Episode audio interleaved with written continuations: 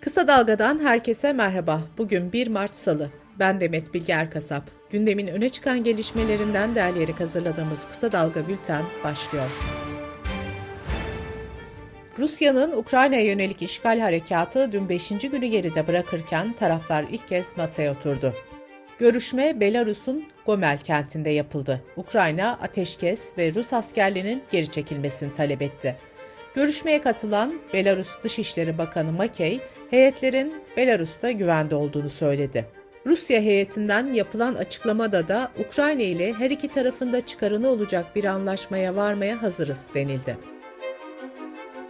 Müzakereler devam ederken Rusya Savunma Bakanlığı'ndan yapılan açıklamada nükleer başlıklı füzeleri de kapsayan caydırıcı silahların yüksek alarm seviyesine çıkarıldığı belirtildi. Putin önceki gün bu yönde karar aldıklarını bildirmişti.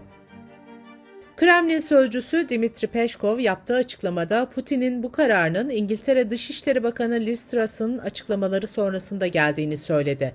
Peşkov, Truss'ın Ukrayna'nın ötesinde Rusya ile NATO arasında olası çatışmalardan söz etmesi nedeniyle bu kararın alındığını savundu. Rusya Dışişleri Bakanlığı sözcüsü Zaharova Telegram hesabından bir açıklama yaptı. Zaharova şunları söyledi. Tüm ülkeler ve onların toplumları 8 yıldır savaş sürerken neredeydi ve bu yıllar içinde en az 13 bin kişinin katledilmesini nasıl kınadılar? Rusya savaşı başlatmadı, ona son veriyor.'' Çin hükümetinin Rusya'nın askeri operasyonları ile ilgili Ukrayna'nın toprak bütünlüğüne vurgu yapan ancak NATO'nun doğuya doğru genişlemesini de gerekçe gösteren tutumu ülkenin önde gelen tarihçilerinin tepkisine neden oldu. Çinli 5 tarihçi tarafından yayınlanan açık mektupta Pekin yönetimine savaşa karşı daha net bir tutum alınması çağrısı yapıldı. Brezilya'nın aşırı sağcı Cumhurbaşkanı Bolsonaro düzenlediği basın toplantısında Rusya'nın Ukrayna'ya saldırısını kınamayacağını ve tarafsız kalacağını söyledi. Rusya'nın saldırılarından kaçan binlerce Ukraynalı'nın Avrupa ülkelerine göçü devam ediyor. Birleşmiş Milletler Mülteciler Yüksek Komiserliği, Ukrayna'dan komşu ülkelere sığınan kişi sayısının 422 bine ulaştığını açıkladı gerçek sayının daha yüksek olduğu yönünde bir tahmin yapıldığı belirtilen açıklamada sınırlarda büyük hareketlilikler rapor ediliyor, durum çok akıcı ve saat başı değişkenlik gösteriyor denildi. Avrupa Birliği Ukrayna'ya desteğini göstermek için Rusya'ya karşı yeni yaptırımlar açıkladı. Avrupa Birliği Komisyonu Başkanı Ursula von der Leyen'in açıklamasına göre birlik ilk kez saldırı altındaki bir ülkeye silah ve diğer teçhizatın satın alınmasını ve teslimatını finanse edecek. Avrupa Birliği hava sahası Rusya için kapatıldı. Rus devlet televizyonlarının yayınları da Avrupa'da yasaklandı. Rusya Merkez Bankası'nın işlemleri de askıya alındı. Kararla birlikte Rusya'nın 640 milyar doları bulan rezervlere erişimi kesilmiş oldu. Benzer bir adım Amerika Birleşik Devletleri'nden de geldi. Hazine Bakanlığı Rusya'nın Ukrayna işgali nedeniyle Rusya'ya yönelik finansal yaptırımları genişletti. Beyaz Saray'dan bir yetkili Rusya Merkez Bankası ve Varlık Fonu'nun dolar rezervlerine erişiminin kesildiğini belirterek ayrıca Merkez Bankası ile işlem yapılmasına yasak getirdi. Türkiye gündeminin önemli gelişmeleriyle kısa dalga bültene devam ediyoruz. CHP, İyi Parti, Saadet Partisi, Gelecek Partisi, Demokrat Parti ve Deva Partisi'nin Ekim 2021'den beri üzerinde çalıştığı güçlendirilmiş parlamenter sistemin mutabakat metni dün açıklandı. Altı partinin genel başkanları törenle metne imza attı. Törende CHP Genel Başkan Yardımcısı Muharrem Erkek, mutabakat metninin giriş bölümünü okudu. Deva Partisi Genel Başkan Yardımcısı Mustafa Yeneroğlu yasama, Demokrat Parti Genel Başkan Yardımcısı Bülent Şahinalp yürütme, Gelecek Partisi Genel Başkan Yardımcısı Ayhan Sefer Üstün yargı, İyi Parti Genel Başkan Yardımcısı Profesör Doktor Bahadır Erdem temel hak ve özgürlükler ve Saadet Partisi Genel Başkan Yardımcısı Bülent Kaya ise kamu yönetimi ve etik bölümünü kamuoyuna açıkladı. Mutabakat metninde bunun bir eskiye dönüş değil, yeni bir başlangıç olduğu vurgusu yapıldı. Yeni sistemle seçim barajının %3'e düşürülmesi vaat edildi. Metinde temel hak ve özgürlüklerin kararname ile düzenlenmeyeceği belirtildi. Güçlendirilmiş parlamenter sistemde kuvvetler ayrılığı ilkesi benimseniyor. Cumhurbaşkanı hakem rolü üstleniyor. Başbakan, bakanlar, bakanlar kurulu güçlendiriliyor. Cumhurbaşkanının görev süresi 7 yıl oluyor. Bağımsız Cumhurbaşkanı vurgusu özellikle yapılıyor.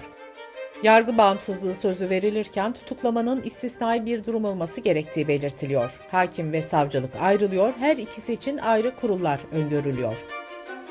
Din ve vicdan özgürlüğü, ifade özgürlüğü, basın özgürlüğü, gösteri ve yürüyüş özgürlüğü yasal güvence altına alınıyor. Toplumsal hayatta kadın erkek eşitliğine vurgu yapılıyor. Mülakat sistemi kaldırılırken yerel yönetimlerin yetki ve sorumlulukları artırılıyor, kayyum uygulamalarına da son veriliyor. HDP Grup Başkan Vekili Meral Danış Beştaş, Altı Muhalefet Partisi'nin bir araya gelmesiyle ilgili şu değerlendirmeyi yaptı. Biz kendi yolumuzda yürüyoruz ve hakikaten gittiğimiz her yerde HDP'ye olan ilginin, desteğin ve dayanışmanın büyüdüğünü görmekten mutluluk duyuyoruz. Beştaş ayrıca Dolmabahçe mutabakatına dönülmesi gerektiğini ifade etti.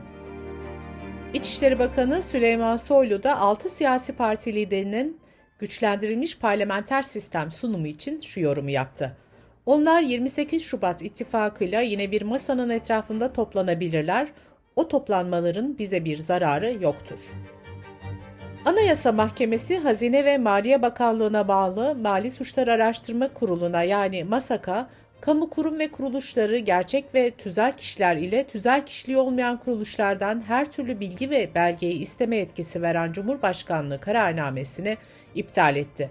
Yüksek Mahkeme ayrıca meclis başkanının meclise istediği aracı alma yetkisini de anayasaya aykırı buldu. Sırada ekonomi haberleri var. Rus enerji şirketi Gazprom yaz döneminde Avrupa'daki yeraltı depolama tesislerine doldurulan gazın tümüyle tüketildiğini açıkladı.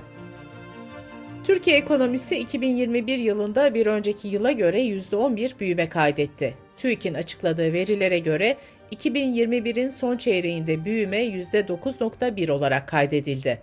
Ana kalemler bazında bakıldığında 2021 yılı tamamında en hızlı büyümeyi ihracat kaydetti. Türkiye İstatistik Kurumu verilerine göre Türkiye ekonomisinin ihracatı Ocak ayında bir önceki yılın aynı ayına göre %17.2 artarken ithalatta %54.2 arttı. Dış ticaret açığı ise geçen yılın aynı ayına göre %234.9 artarak 10 milyar 261 milyon dolara yükseldi. Covid-19 gelişmeleriyle devam ediyoruz. Sağlık Bakanı Fahrettin Koca'nın açıklamasına göre 12-18 Şubat arasında vaka yoğunluğu en çok artan 10 il şöyle oldu. Amasya, Kırşehir, Aksaray, Denizli, Yozgat, Çorum, Samsun, Tunceli, Eskişehir ve Artvin. Türkiye'de günlük vaka sayıları hızla düşerken Sağlık Bakanlığı Koronavirüs Bilim Kurulu üyesi Profesör Doktor Tevfik Özlü'den bir değerlendirme geldi.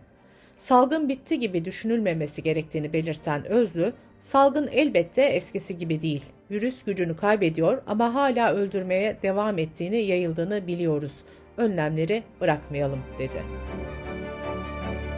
Covid-19 kısıtlamalarının kademeli olarak kaldırıldığı Fransa'da aşı kartının geçerli olduğu bazı kapalı alanlarda maske zorunluluğu kaldırıldı.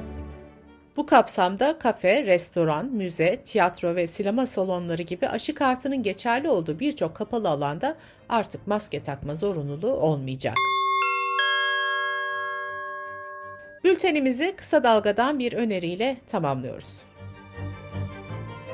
Çocuklarının etrafında pervane olan, onların her dileğini lambanın cini gibi anında yerine getiren, ihtiyaçlarını ışık hızıyla gideren, aşırı koruyucu, çocuğun yörüngesinde hayat süren ebeveynler. Pervin Metin, helikopter ebeveynleri uzmanlarla konuşuyor. Kısa Dalga.net adresimizden ve podcast platformlarından dinleyebilirsiniz. Gözünüz kulağınız bizde olsun. Kısa Dalga Medya.